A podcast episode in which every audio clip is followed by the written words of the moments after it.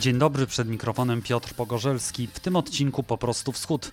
Doktor Agnieszka Łada opowie nam o dyskusji w Niemczech na temat sprawy otrucia Nawalnego i ewentualnych sankcji, w tym możliwego wstrzymania budowy gazociągu Nord Stream 2.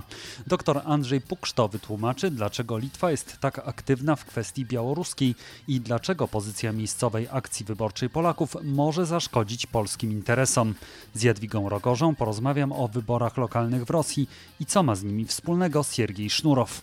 Dr Dominik Hej odtworzy nam scenę medialną na Węgrzech i wyjaśni, dlaczego rozpoczęło tam nadawanie Radio Wolna Europa. Przypominam też, że można mnie wesprzeć na portalu zrzutka.pl i że niemal wszystkie utwory, które słyszycie Państwo we fragmentach w tym podcaście, można znaleźć na Spotify w playliście o nazwie Po prostu Wschód. Zaczynamy!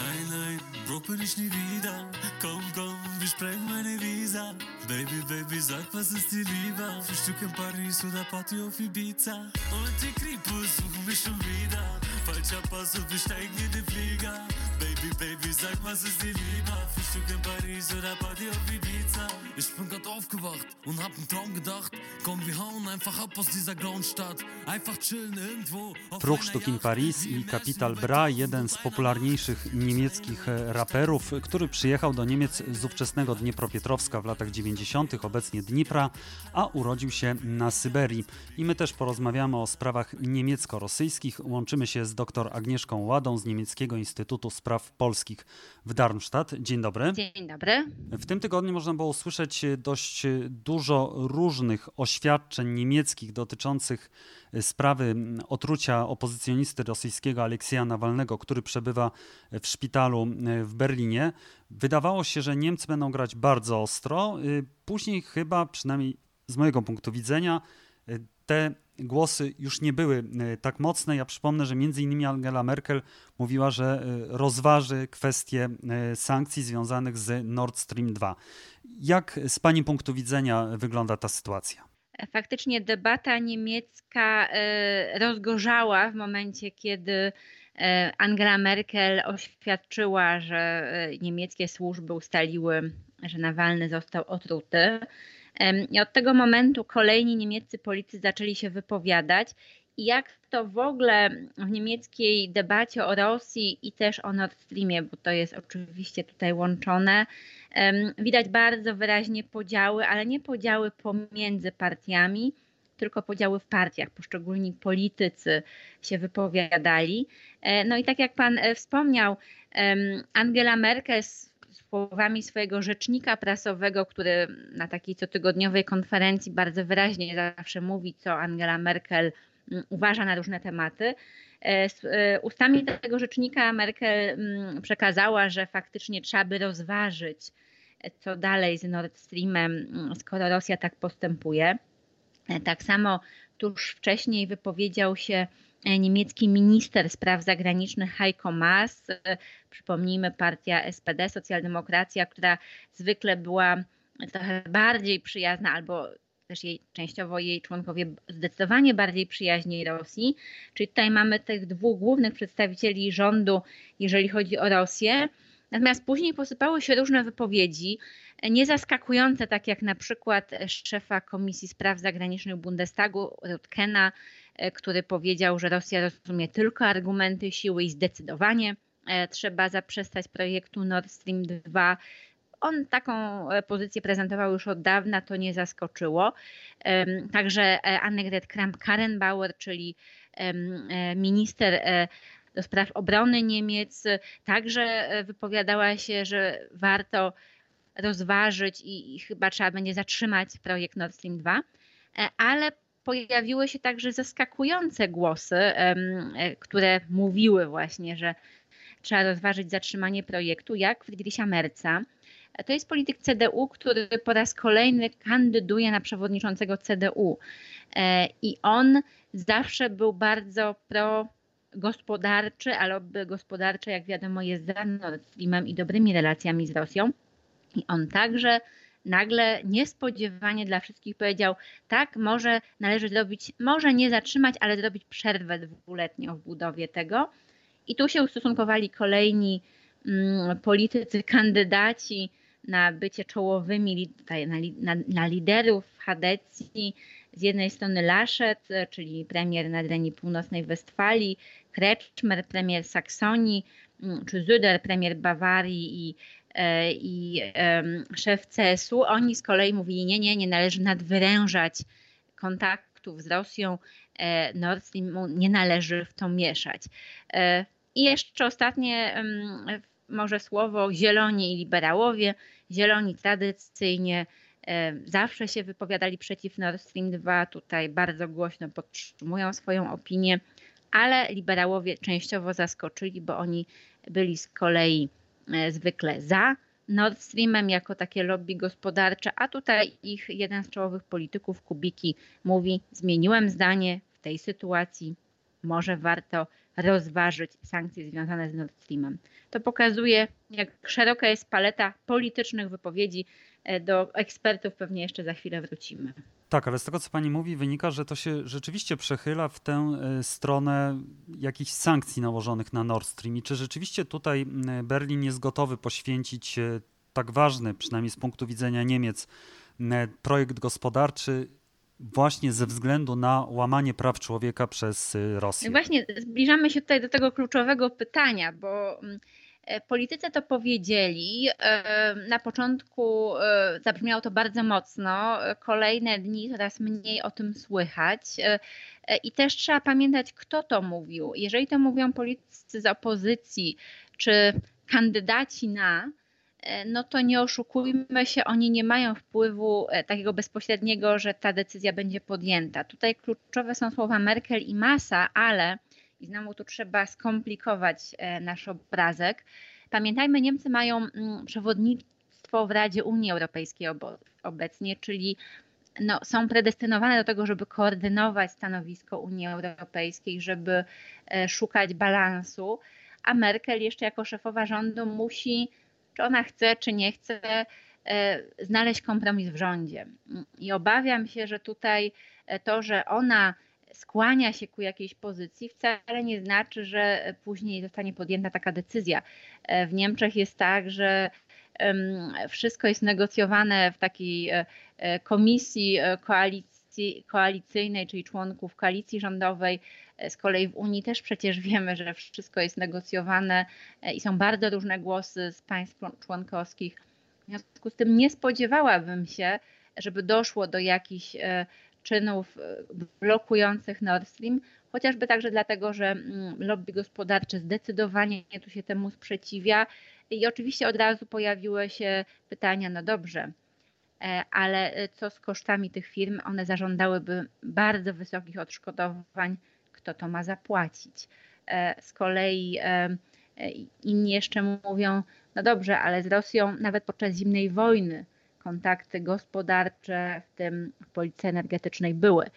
W związku z tym to nie jest tak, że parę wypowiedzi może świadczyć o tym, że natychmiast tutaj Mm, e, dojdzie do zatrzymania budowy. Ale to chyba też może być taka strategia negocjacyjna Berlina, prawda? Że na razie mówimy o takim bardzo mocnym kroku i to jest pierwsza stawka, a później będziemy może schodzić na, na jakieś pewne ustępstwa, to znaczy na mniejsze sankcje. Bo rozumiem, że jakby kwestia tego, że jakoś trzeba zareagować, nie podlega dyskusji. Tak, i to jest, to jest bardzo wyraźne. To znaczy, w Niemczech faktycznie e, jest jednogłośne, no może poza AfD, ale to wiadomo, to jest partia alternatywa dla Niemiec prorosyjska i broniąca zawsze Rosji.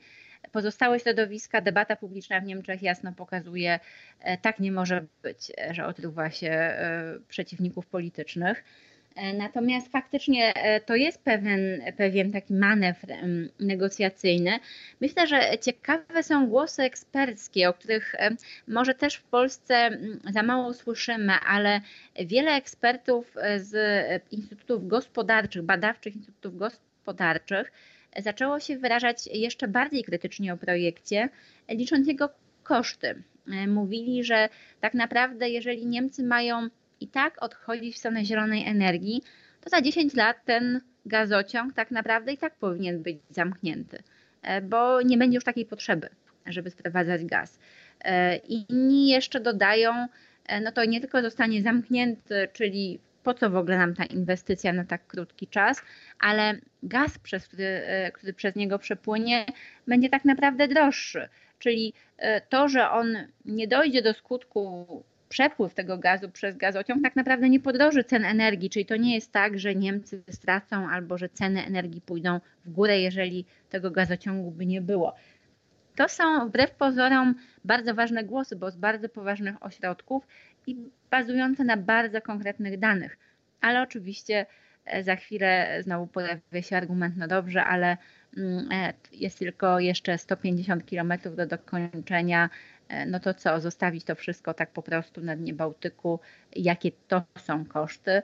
E, I ta dyskusja trwa, jest bardzo, bardzo różnorodna i tak naprawdę obejmuje już e, kręgi nie tylko polityczne czy gospodarcze, ale właśnie bardzo szerokie mm, też kręgi ekspertów z różnych, z różnych dziedzin.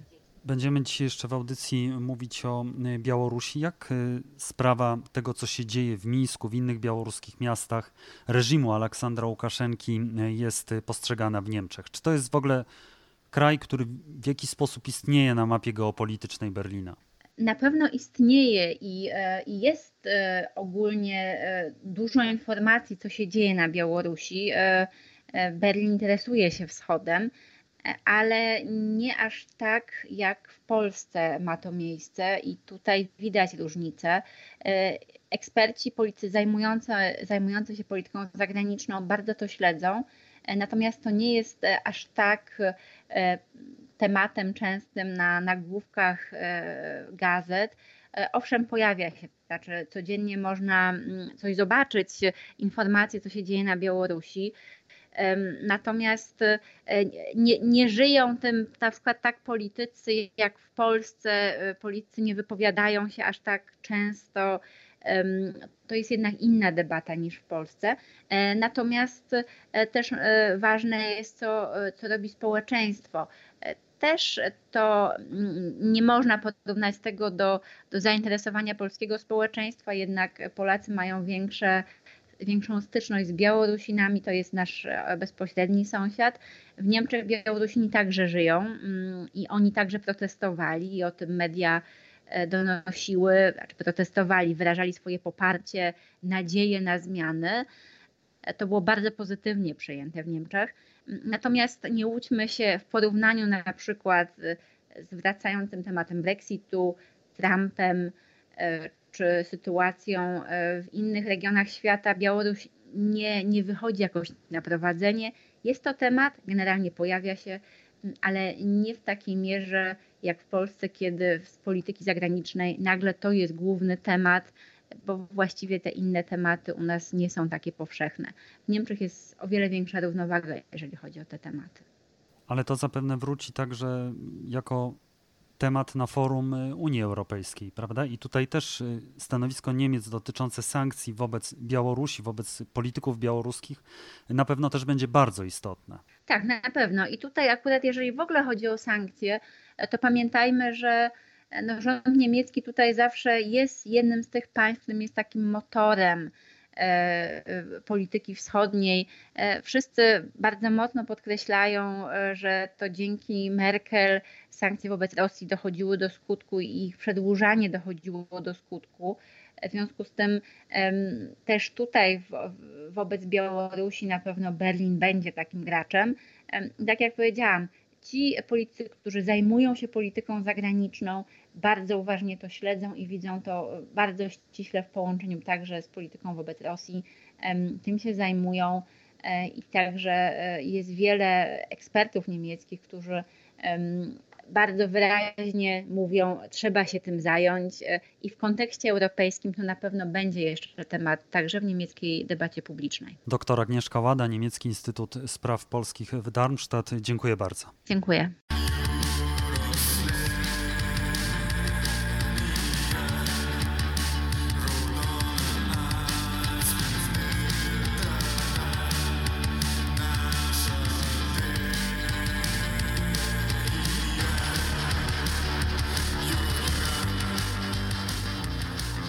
Litewska grupa Ego Machina w utworze Jurosbanga, czyli Fala Morska, a my porozmawiamy o polityce Wilna wobec Mińska. W litewskiej stolicy jest dr Andrzej Pukszto, politolog z Uniwersytetu Witolda Wielkiego w Kownie. Dzień dobry. Dzień dobry. W czwartek litewski Sejm przyjął rezolucję zatytułowaną o nielegalnym i narzuconym Białorusi związku z Rosją. W skrócie, Federacja Rosyjska nie ma prawa ingerować w wewnętrzne sprawy Białorusi oraz wywierać wpływu na jej politykę zagraniczną i posłowie wzywają także do uznania działań Aleksandra Łukaszenki w polityce wewnętrznej i zagranicznej Białorusi zmierzających do legitymizacji władzy i zawierania z Rosją nowych umów międzynarodowych jako nieważne. I to jest y, tylko jedno z wielu oświadczeń, które ostatnio słyszymy z Wilna. Obserwując tę sytuację z Warszawy, można dojść e, do wniosku, że Litwa jest e, bardzo zaangażowana w kwestie białoruskie. Skąd to się bierze? Skąd jest e, właśnie taka polityka prowadzona przez Wilno? To znaczy, ja myślę, że Litwa skorzystała z tej szansy tutaj, że tak powiem, być na tej barykadzie politycznej walk o demokrację na Białorusi i rzeczywiście to jest pewien ewenement, y, bowiem y, to jest kraj y, niewielki, ze, ze skromnym, szczupłym zestawem, że tak powiem, składem dyplomacji. Także no, tutaj wysiłek jest robiony przez naszych dyplomatów i polityków rzeczywiście ogromny. Ja myślę, że mm, no, przyczyn jest bardzo dużo. Białorusini y, odbierają Litwę jako tego takiego bardzo bliskiego przyjaciela od już y, wielu, wielu lat. Y, przypomnę, że w Wilnie jeszcze do lata bieżącego roku działało i działa nadal bardzo dużo białoruskich organizacji pozarządowych. Mieszka tutaj dużo przedstawicieli opozycji białoruskiej. Wreszcie w Wilnie znalazł chronienie Białoruski Uniwersytet na Emigracji, czyli Białoruski Europejski Uniwersytet, wówczas kiedy Łukaszenka wypędził tą szkołę wyższą z Mińska. Między innymi też część fundacji międzynarodowych, na przykład Fundacja Konrada Adenauera, ma również swój ofis, swoją siedzibę na Białoruś, nigdzie indziej, tylko w Wilnie. W Kownie przez wiele lat na moim uniwersytecie odbywał się Światowy Kongres Badaczy Białorusi, gdzie zjeżdżali się naukowcy y, zarówno ze wschodu, jak, jak i z zachodu.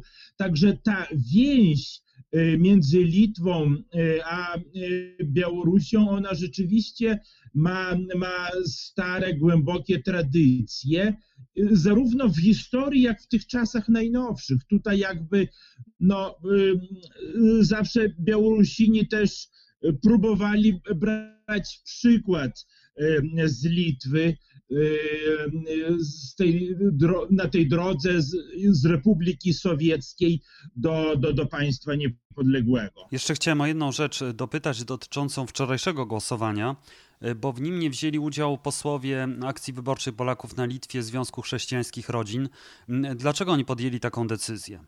To znaczy, akurat wczoraj to już nie było zbyt wielką sensacją, dlatego że Polska Partia na Litwie, bo tak siebie prezentują, chociaż cała nazwa to jest Akcja Wyborcza Polaków na Litwie, Związek Chrześcijańskich Rodzin, już kilka razy y, wypowiadał się bardzo sceptycznie y, wobec, wobec wydarzeń na Białorusi. Lider tej partii, Waldemar Tomaszewski, a propos poseł do Parlamentu Europejskiego i co więcej, on jest również wiceprzewodniczącym grupy e, Parlamentu Europejskiego do spraw e, kontaktów z Białorusią, no tutaj zachowuje się niezwykle skandalicznie, bowiem e, deklaruje bardzo wyraźnie w i non-stop, że nie popiera tych zmian na Białorusi, że jest przeciwko wszelkim rewolucjom, że y, akcentuje non-stop, że był przeciwko też y, Majdanu na Ukrainie. Bardzo to jest smutne, dlatego że y, akcja wyborcza Polaków na Litwie jest obecnie w koalicji rządzącej. Współtworzy rząd Republiki Litewskiej i premier i minister spraw zagranicznych no niezwykle aktywnie również współpracują e, z władzami Polski w kontekście pomocy dla, dla demokratycznej e, Białorusi. Również to rzuca cień bardzo negatywny na całą społeczność e, polską na Litwie, rzuca cień i stawia w świetle no, takiej niedemokratycznej, nieeuropejskiej mniejszości na Litwie. No wręcz otwarcie wczoraj w komentarzach dziennikarze mówili, że, że, że, że ta po, polska partia na Litwie jest no właściwie taką piątą kolumną, bowiem wszystkie siły polityczne, które są i w opozycji, i w obozie rządzącym no, wręcz jednoznacznie i bardzo solidarnie y, od samego początku y, poparli i, i, i przyjazd Swietlany Cichanowskiej do Wilna, ale również wszelkie inne inicjatywy, które, y, żeby wesprzeć białoruską opozycję. Jeżeli chodzi o tę współpracę w Parlamencie Europejskim, czy też w ogóle na łonie Unii Europejskiej, jak tutaj Polska może współpracować z Litwą? Czy nie dochodzi do pewnej konkurencji o Białoruś, czy wręcz przeciwnie jest tutaj możliwa współpraca? No ja myślę, że, że zadanie jest tak ogromne i zadanie jest tak trudne, że ja myślę, że tutaj działalności naprawdę wystarczy dla wszystkich i no tutaj byłoby e, bardzo niemądrym rozwiązaniem, jeśli by dochodziło do jakiejś konkurencji i na szczęście tego nie ma. E, odbywa się bardzo ścisła współpraca. Z tego co wiem, w następnym tygodniu do Wilna przybywa premier Rzeczpospolitej Polskiej Mateusz Morawiecki. W stałym kontakcie telefonicznym jest prezydent Nausieda z prezydentem Dudą.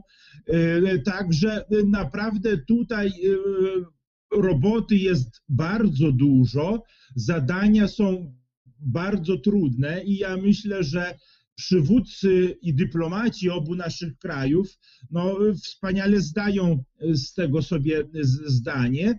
No, Litwa dokłada też starań, żeby, żeby też współpracować z innymi krajami. Ja przypomnę, że e, w, w ubiegłym tygodniu na Litwie, e, znaczy przepraszam, przed pięcioma dniami na Litwie gościła e, premier Norwegii i spotkała się nie tylko z przywódcami Litwy, ale również spotkała się z, ze Switlaną Ciechanowską. Także no, tutaj wielkim zadaniem jest jakby też pchnięcie tej sprawy białoruskiej też na, na, na arenę międzynarodową jak najmocniej i jak, jak najsilniej. No tak, ale tutaj są pewne rozbieżności, ponieważ y, Litwa jednoznacznie się opowiada za tym, żeby Aleksandr Łukaszenka był na tej liście y, unijnej sankcji, a podobno według nieoficjalnych informacji Polska dopuszcza taką możliwość E, że jego nie będzie. Czyli to no, też może być takim punktem spornym, bo wydawało się, że Wilno i Warszawa powinni mówić, powinny mówić jednym głosem, na, przynajmniej na forum unijnym w sprawie białoruskiej. To znaczy akurat w tym miejscu ja jestem, no nie wiem, może, może zbyt wielkim, ale jednak optymistą jestem. Wydaje mi się, że, że to, to, to są kwestie do zgrania i ja jednak y, tutaj y, tą, tą główną linię po, podziału, no jednak bym nie przeprowadzał między Litwą a Polską. Na pewno Litwa i Polska, jak mało kto obecnie mówią jednym głosem, a już szczególnie w kwestiach Białorusi nie wątpię, że znajdą absolutnie wspólny mianownik i będą mówiły wspólnym głosem na forum europejskim. Tu bardziej chodzi o zadanie, o przekonanie y, i przywódców Unii Europejskiej i innych krajów unijnych. Y, no, są tutaj pewne znaki opty, optymistyczne. Y, do Wilna też się wybiera Emmanuel Macron. Czyli Litwa właściwie wraz z Polską może mieć dość silną pozycję w Brukseli, tak? Jeżeli chodzi o te kwestie. To znaczy, proszę pana, no bądźmy realistami. No, Litwa z Polską też,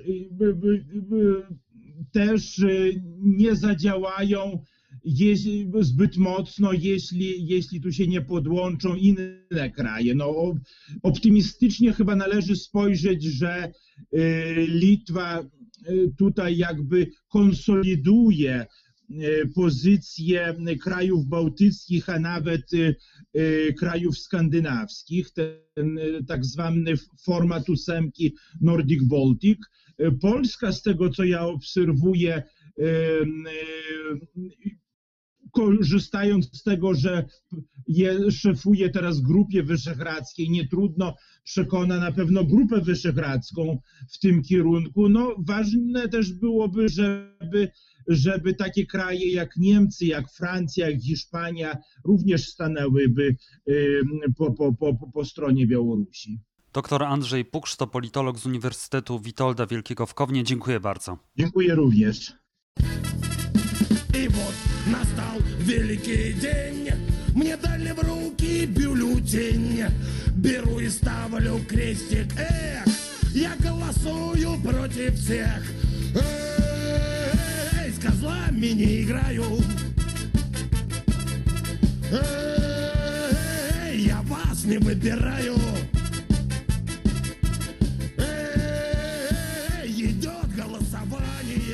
Grupa Leningrad z filmu z 2007 roku Dzień Wyborów. Komedia opowiada o wyborach lokalnych w Rosji. Właśnie o nich porozmawiamy z Jadwigą Rogorzą z Ośrodka Studiów Wschodnich. Dzień dobry.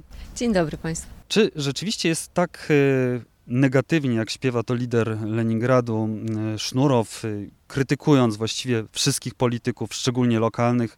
Zresztą sam ten film przedstawia taką dość sceptyczną wizję tego, co się dzieje na rosyjskiej scenie politycznej, przynajmniej regionalnej. Rzeczywistość nigdy nie jest taka optymistyczna, ale tutaj e, w przypadku Sznurowa, w przypadku Leningradu, ten pozorny bunt, ten pozorny e, taki e, wulgarna maniera a e, tak naprawdę maskuje e, bezradność, bezsilność i bierność, dlatego że to wszystko, co pokazuje sznur, to jest to, że nie warty, żaden wysiłek nie jest wart e, podejmowania go, że tak naprawdę wyjdzie na jedno i wszystko, co można zrobić, to wiemy z innych utworów sznura, to jest pójść na jakąś ostrą imprezę i zapomnieć o tej trudnej rzeczywistości. Ale to, co widzimy w polityce, to, co widzimy w przypadku polityków, którzy próbują dokonać dokonać jakiejś zmiany, to jest szukanie jakiegoś mniejszego zła, to jest szukanie jakiejś formy e, e, wpływu na rzeczywistość, również tą polityczną. E, Nawalny, czy Chodorkowski, czy inni politycy nawołują jednak do głosowania nawet na kandydatów nieidealnych, ale takich kandydatów, którzy są alternatywą dla obecnego systemu władzy. Więc jest to taki wybór trudny być może, ale wybór, który zachęca ludzi do aktywności i do zainteresowania tym, co się dzieje w kraju, a nie tylko do e, zapominania i to w taki sposób dosyć destrukcyjny, jak proponuje Sznur od wielu lat. Jeżeli chodzi o te wybory, jeżeli spojrzymy na mapę, mm, gdzie one się odbywają i jak one się odbywają, ona jest dosyć pstrokata, to są wybory na różnym poziomie. Jeżeli mogła Pani wytłumaczyć mniej więcej o co chodzi, gdzie te wybory się odbywają i kogo wybierają Rosjanie? To są wybory bardzo różnego szczebla, łącznie 83 regiony, czyli prawie wszystkie regiony. E, w 20 regionach są wybory gubernatorów, e, są poza tym wybory e, rad miejskich, parlamentów regionalnych, samorządów, także właściwie całe spektrum. I tak samo geograficznie, od, od Dalekiego Wschodu aż po Smoleńsk. Więc faktycznie można powiedzieć, że ten jeden dzień głosowania, a dzisiaj to nie jest jeden dzień, tylko trzy, bo głosowanie jest rozciągnięte na trzy dni, obejmie niemalże całą Rosję. Jacy są kandydaci? Czy to można powiedzieć, jakoś uogólnić? że najsilniejszym graczem tutaj jest y, partia władzy, czyli jedna Rosja. Tak, oczywiście od wielu lat partia władzy jest głównym kandydatem, zarówno w wyborach do, do parlamentów różnego szczebla, jak też oczywiście w wyborach gubernatorskich. Kandydaci Moskwy. Czasami to są członkowie jednej Rosji, czasami nie są, czasami są członkami jednej Rosji, ale wypierają się tego szyldu partyjnego, bo jedna Rosja już nie jest tak popularna jak kiedyś. To są w większości kandydaci Kremla. E, do nielicznych wyjątków w ogóle w historii ostatnich lat należały zwycięstwa kandydatów e, spoza układu. E, na przykład komunistów, tak jak w Irkucku czy w Nowosybirsku, czy też kandydata Furgała, Siergieja Furgała w Chabarowsku, który był członkiem LDPR, partii Żyrinowskiego. To są raczej wyjątki. W większości to są namaszczeni przez Moskwę kandydaci, bardzo często też wywodzący się spoza regionów, więc to są Rosjanie na to mówią waregowie, czyli przybysze z innych regionów, którzy nie znają tej specyfiki, którzy nie są w ogóle związani z regionem, nie czują lojalności wobec mieszkańców tego regionu i też mają poczucie, że ich wyborcą nie są tak naprawdę mieszkańcy tego regionu, tylko ich wyborcą jest Kreml, administracja prezydenta. I to wobec Kremla muszą się wykazać. I to zupełnie inaczej ustawia też ich e, funkcjonowanie w regionie, ich priorytety, ich politykę. No a w jaki sposób ci ludzie są wspierani przez Kreml? Czy to są na przykład inwestycje, czy to są obietnice inwestycji? To jest całe spektrum, to jest to, co pan powiedział. Oczywiście to są pieniądze, które przychodzą z tym gubernatorem. Tak jak widzimy, że dzisiaj w Chabarowsku e, ten e, nowy następca Furgała, Dikteriow, przyjechał z obietnicami zainwestowania w regionie E, bardzo dużych e, pieniędzy federalnych. E, to, są, to jest oczywiście wsparcie medialne, to są różnego rodzaju też ataki na konkurencję polityczną, blokadę, blokowanie alternatywnych kandydatów, w ogóle niedopuszczanie ich do wyborów. To jest całe spektrum. To są spotkania z prezydentem, które potem są pokazywane w telewizji. To też jest traktowane jako taki atut przed wyborami i w trakcie też kadencji. No i chyba Rosjanie też akceptują takie wyjście, tak? Że to są ludzie, za którymi idą pieniądze z centrum, czy pójdą pieniądze z centrum. I tak i nie, dlatego że y, mamy trend, ale mamy też wyjątki. Tutaj to znowu wróciłabym do przykładu Siergieja Furgała, który dwa lata temu wygrał zupełnie niespodziewanie w Chabarowsku e, wybory gubernatora kraju chabarowskiego. To jest daleki wschód, to jest po prostu odległy, przeciwległy kraniec e, Federacji Rosyjskiej. E, dlaczego wygrał? Dlatego, że silne były wówczas nastroje takie antyestablishmentowe. Mm, przypomnijmy, że wtedy to było świeżo po reformie emerytalnej, która bardzo zdenerwowała Rosjan. Reforma emerytalna, która faktycznie polegała na wydłużeniu wieku emerytalnego. Więc y, silne nastroje protestacyjne skutkowały tym, że ludzie w tym konkretnym regionie zagłosowali przeciwko kandydatowi władzy na przypadkowego kandydata. Furgał miał być statystą w tych wyborach miał tylko pozorować pluralizm, natomiast zupełnie niespodziewanie dla siebie samego i dla Moskwy tym gubernatorem został. E, więc takie przypadki głosowania protestacyjnego są możliwe i są nie do wykluczenia również w tych wyborach. To jest dosyć nieprzewidywalne, bo no, sondaże dzisiaj coraz w mniejszym stopniu odzwierciedlają sytuację w Rosji, więc no, właściwie możemy Y, dopiero po wynikach wyborów zorientować się tak naprawdę, jak przy tym, że oczywiście wybory również bywają fałszowane, manipulowane, e, administracyjnie przykrawane, dlatego że wielu kandydatów nie jest dopuszczanych do wyboru, więc to jest też taki ułomny instrument pokazania e, tych nastrojów i tak naprawdę te nastroje są bardzo trudno mierzalne. Dzisiaj władza się sama pozbawiła e, takich instrumentów komunikacji zwrotnej, rozpoznawania nastrojów. No bo sondaże coraz mniej to, to ilustrują, media również preparują rzeczywistość, tylko w internecie, jeżeli obejrzymy sobie jakieś komentarze, zwłaszcza internautów pod różnymi programami, filmami, które niezależnymi zwłaszcza, tak, no to widzimy skalę frustracji społecznej. Widzimy skalę krytycyzmu, y, często miażdżącego wobec prezydenta Putina osobiście, coś, co kilka lat temu jeszcze nie było w takiej skali wobec y, całej sytuacji w kraju. Widzimy taki pesymizm, w ogóle brak perspektyw, który ludzie czują.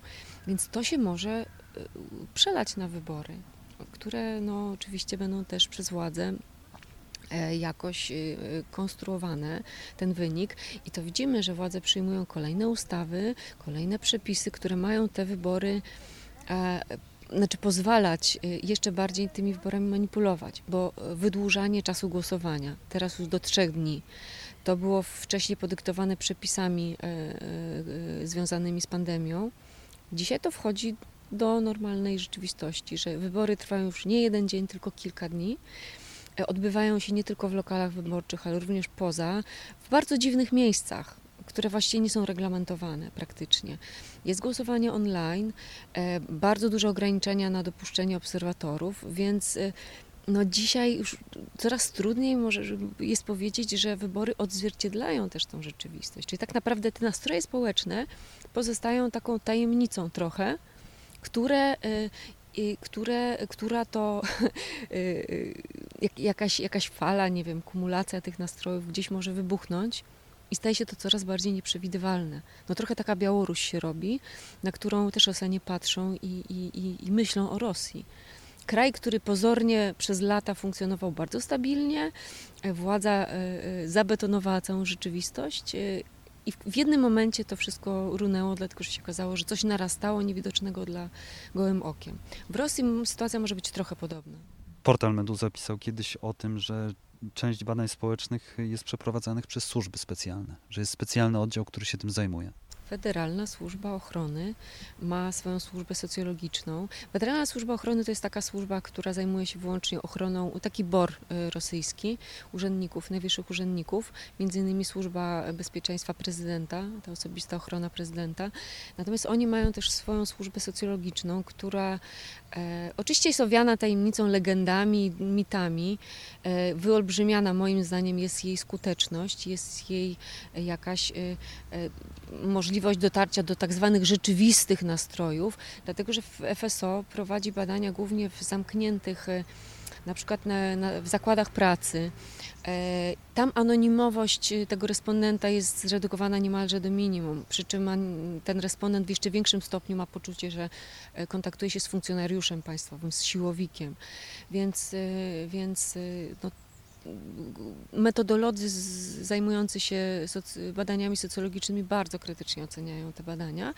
Ja czytam, e, że e, FSO ostatnio prezentuje prezentowi badania, które są bardziej, bardzo negatywne, które prezentują takie bardzo e, negatywne trendy poparcia dla Putina, sytuacji w kraju to też y, jest, być może jest to jakieś odzwierciedlenie sytuacji, a być może jest to też swoisty lobbying tej struktury, która siłowicy, jak wiadomo, lubią przedkładać prezydentowi raporty, które rysują jakiś katastroficzny obraz sytuacji, czy panoszenie się zachodnich służb, po to, żeby zyskać dodatkowe prerogatywy czy, czy finansowanie, więc tutaj y, ponieważ nie jesteśmy w stanie, nie widzieliśmy tych badań, tylko wszyscy o nich słyszeliśmy z trzeciej ręki, to tutaj trudno to oceniać, na ile na ile ktokolwiek ma rzeczywiście y, adekwatny, precyzyjny obraz sytuacji. Ja się obawiam, że y, ten obraz trzeba zbierać po kawałku. I między innymi dla mnie y, dosyć miarodajne są te komentarze, które czytam pod na przykład niezależnymi programami informacyjnymi czy filmami dokumentalnymi, na przykład Jurija Dudia, czy pod, pod programami Nawalnego tam ludzie często pod nazwiskiem wyrażają, no naprawdę, znaczy widać, że nie są to trole, tylko, tylko są to rozwinięte, ciekawe wypowiedzi, które prezentują naprawdę miażdżącą ocenę sytuacji w Rosji. Jeżeli chodzi o Nawalnego i jego otrucie, czy my to możemy wiązać z tym, co się teraz dzieje w Rosji z kampanią wyborczą? Czy są to kompletnie dwa odmienne wydarzenia? Myślę, że to jest jeden z czynników, który się przyłożył. No nie pierwszy, nie ostatni, nie jedyny.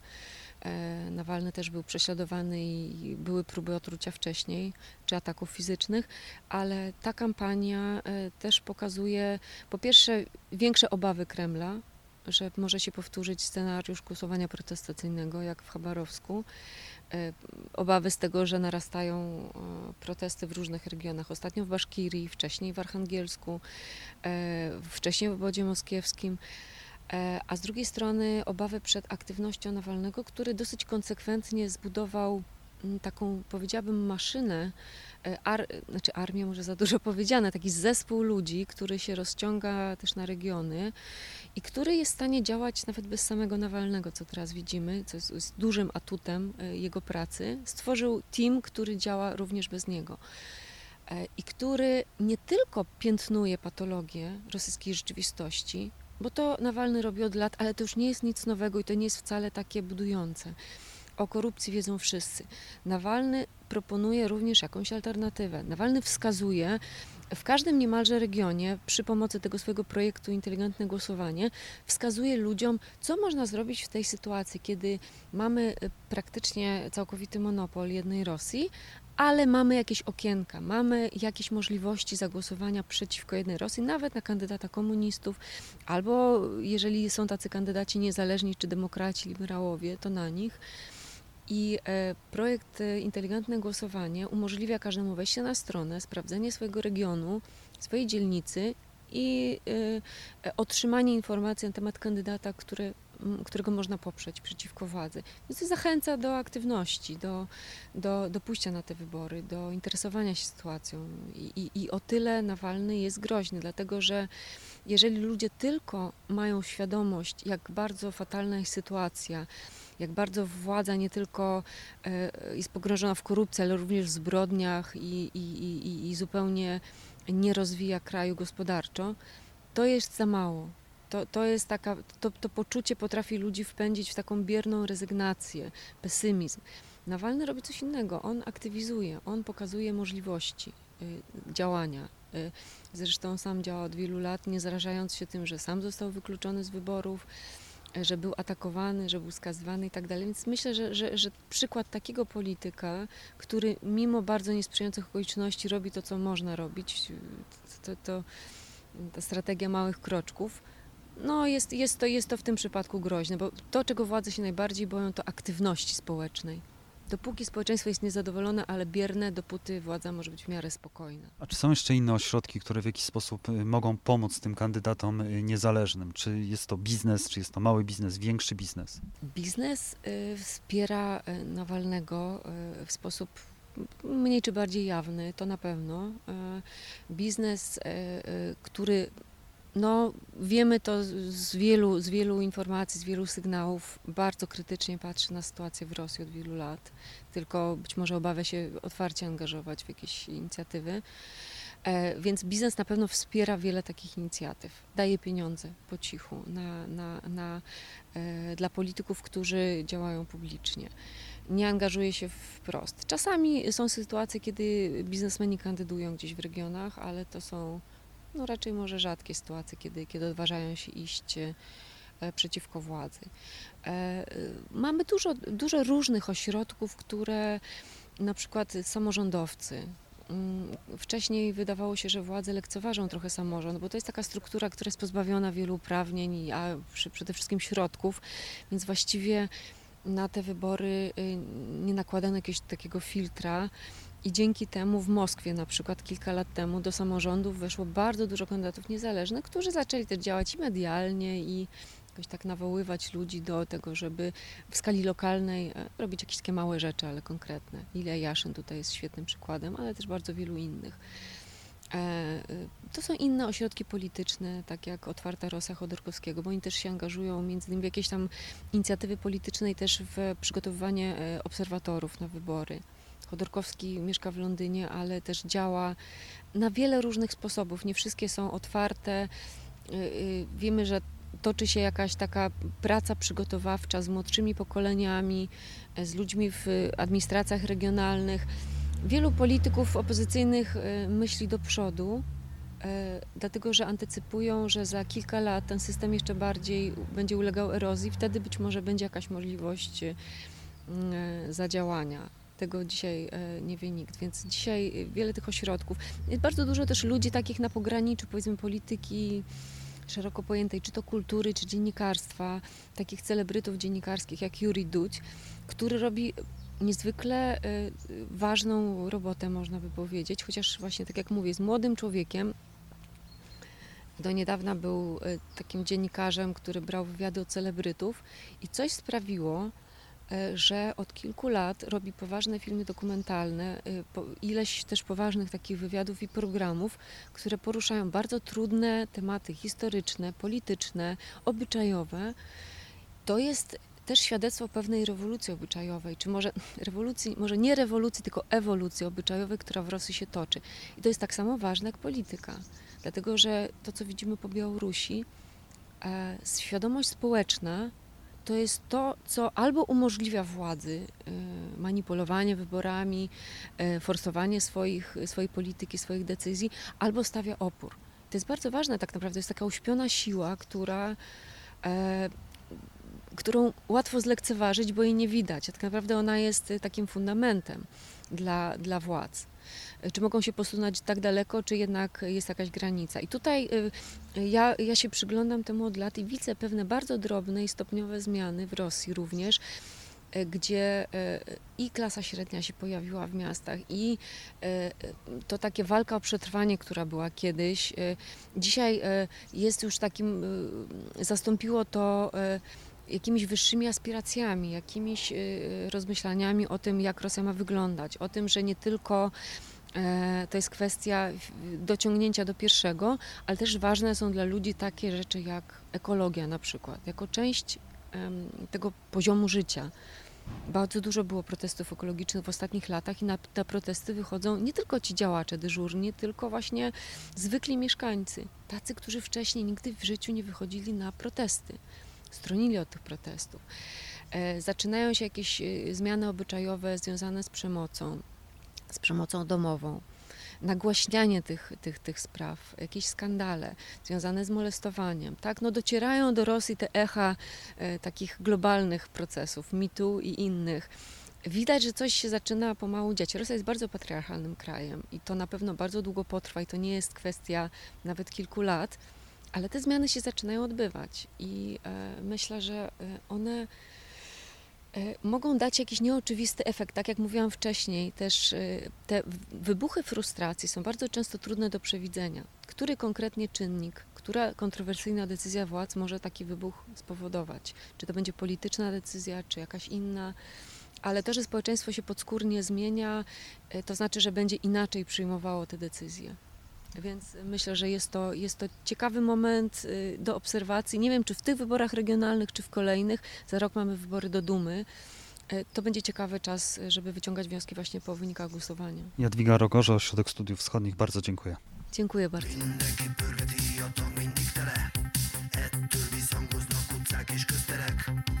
Visszaemlékszem, majdnem tíz éve mondták egy nyári a banda. Le jó horgász behetett, fogtam a fejemet, készen is volt már a csapda. Nem akart újság, ez valahogy mégis mindig egy ország fújta. Az hagyján, de mellé volt egy pár csóka, aki a stílus csorta. Mit teltek az évek, közben a diaktól majdnem leszakadt a polc. Azért kamásznak minket a srácok, mert őszintén tudtuk és sosem volt póz. Volt részünk mindenbe, de egy férfi mindenről nem beszél. Megkerülhetetlenné váltunk mi ketten, de tudjuk a szava csak szembeszél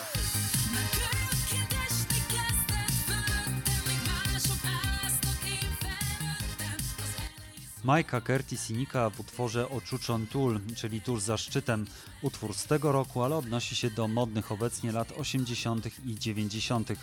Niestety nie tylko w sztuce Węgrzy wracają do tego okresu. W tym tygodniu Radio Wolna Europa wznowiło nadawanie w tym kraju. Węgierskojęzyczna redakcja została wcześniej zlikwidowana w 1993 roku.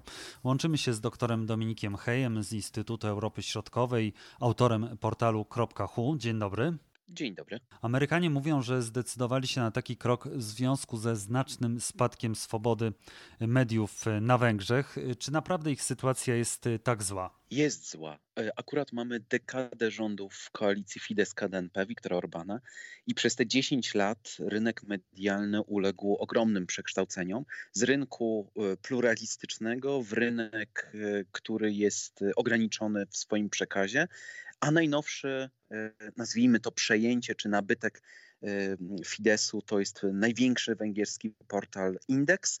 E, od 1 września nie ma już tam ponad 80 osób redakcji. No i oni założyli swój portal Telex. I według klasyfikacji wolności prasy organizacji Reporterzy Bez Granic Węgry obecnie zajmują 89 miejsce, a właśnie w 2010 roku, o czym pan wspomniał, gdy doszedł do władzy Orban, E, były na 23 miejscu.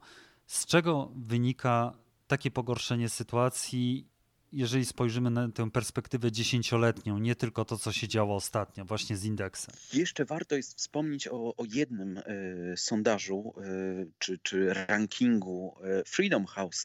on dla mnie jest jako politologa bardziej wymierny. Mianowicie już od trzech lat w tym rankingu wolności, y, w ogóle wolności systemu politycznego, y, mediów itd., tak Węgry są klasyfikowane jako państwo, y, które nie jest już w 100% wolne, tylko jest częściowo wolne.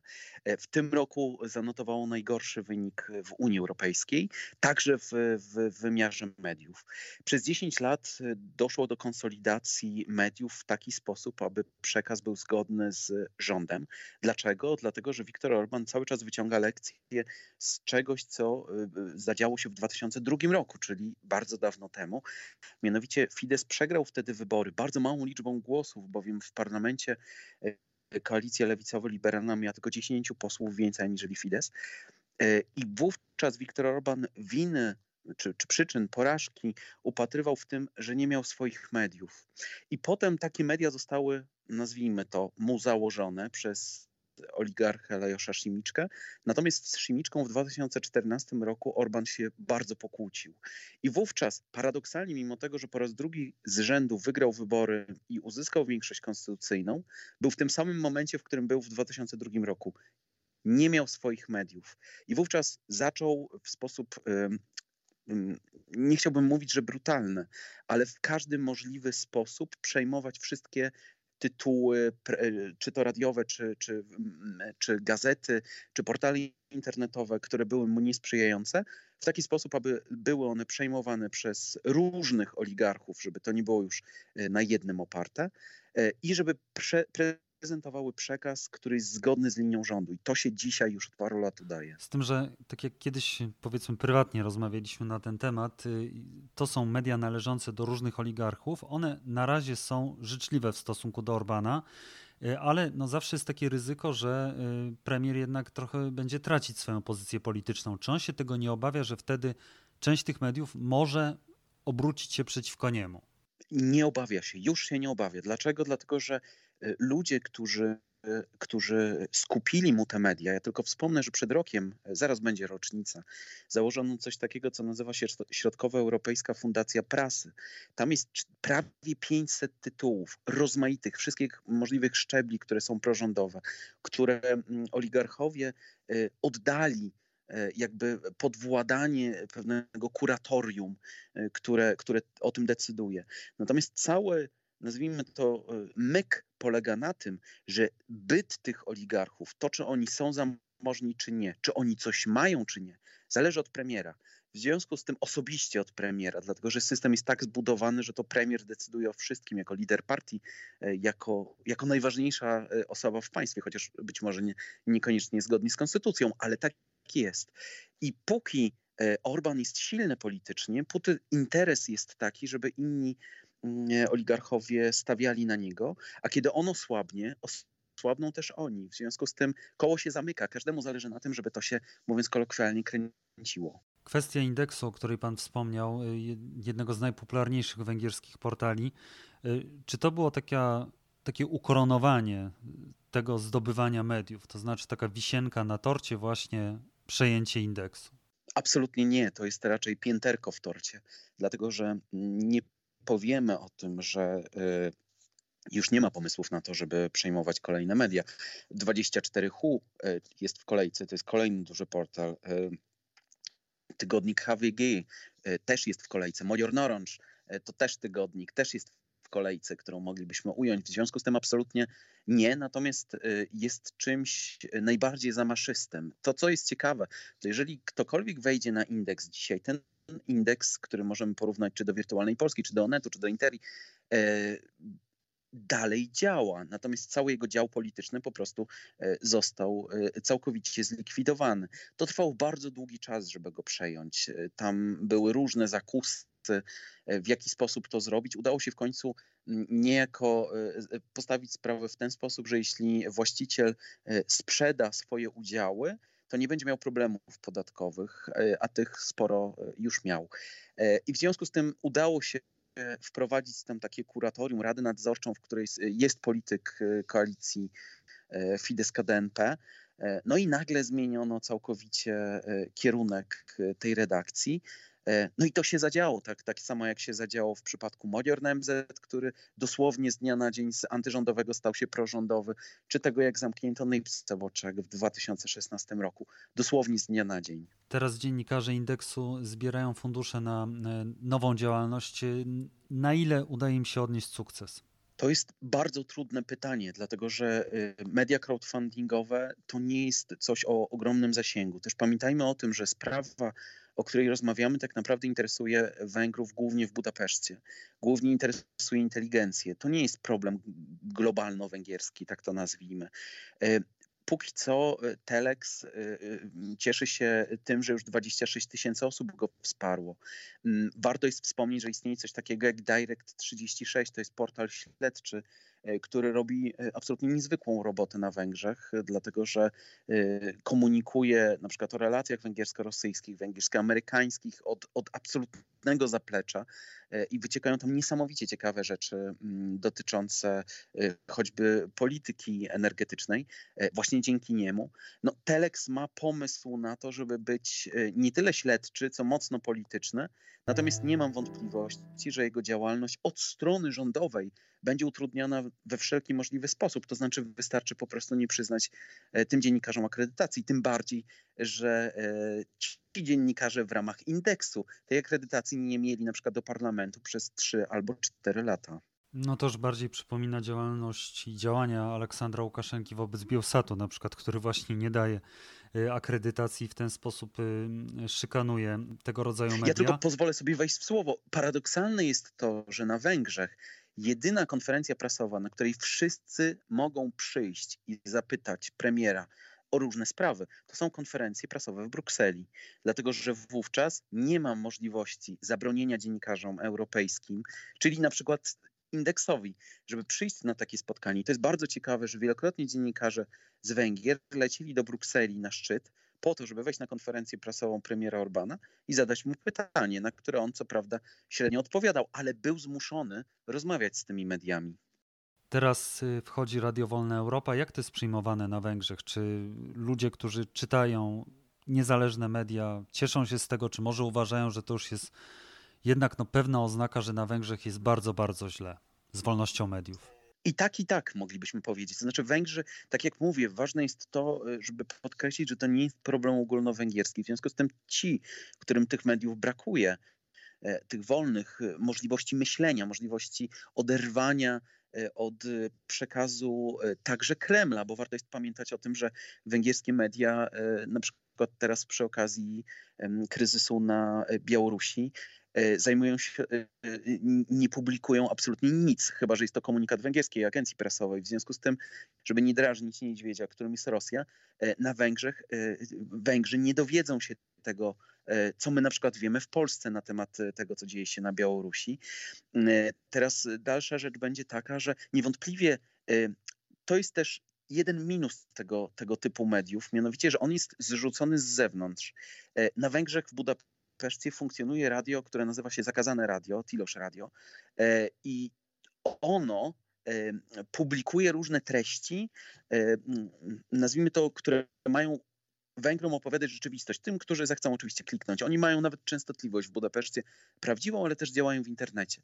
Pytanie, jak dużo Węgrów zacznie korzystać z medium, które jest jakby z zewnątrz nie mam wcale pewności, że będzie to bardzo duża liczba. Też pytanie, e, jaki będzie dobór osób, które będą tam pracowały, e, bo nigdzie nie znalazłem takiej informacji, że było jeszcze ciekawiej. Na Węgrzech, w węgierskich mediach w ogóle w zasadzie nie znalazłem informacji o tym, że e, tam będzie działało Radio Wolna Europa, bo myślę, że Węgrzy mają jeszcze takie poczucie, że spróbują tę sytuację do normalności przywrócić swoimi źródłami, a niekoniecznie zewnętrzną pomocą. No zobaczymy, jak to się uda Amerykanom. Radio Swoboda czy Radio Swoboda i na Ukrainie, w Rosji, na Białorusi jest to uznawane za dość poważne źródło informacji, szczególnie dla tych, którzy się głębiej interesują polityką. Dr Dominik Hej, Instytut Europy Środkowej, portal.hu. Dziękuję bardzo. Dziękuję.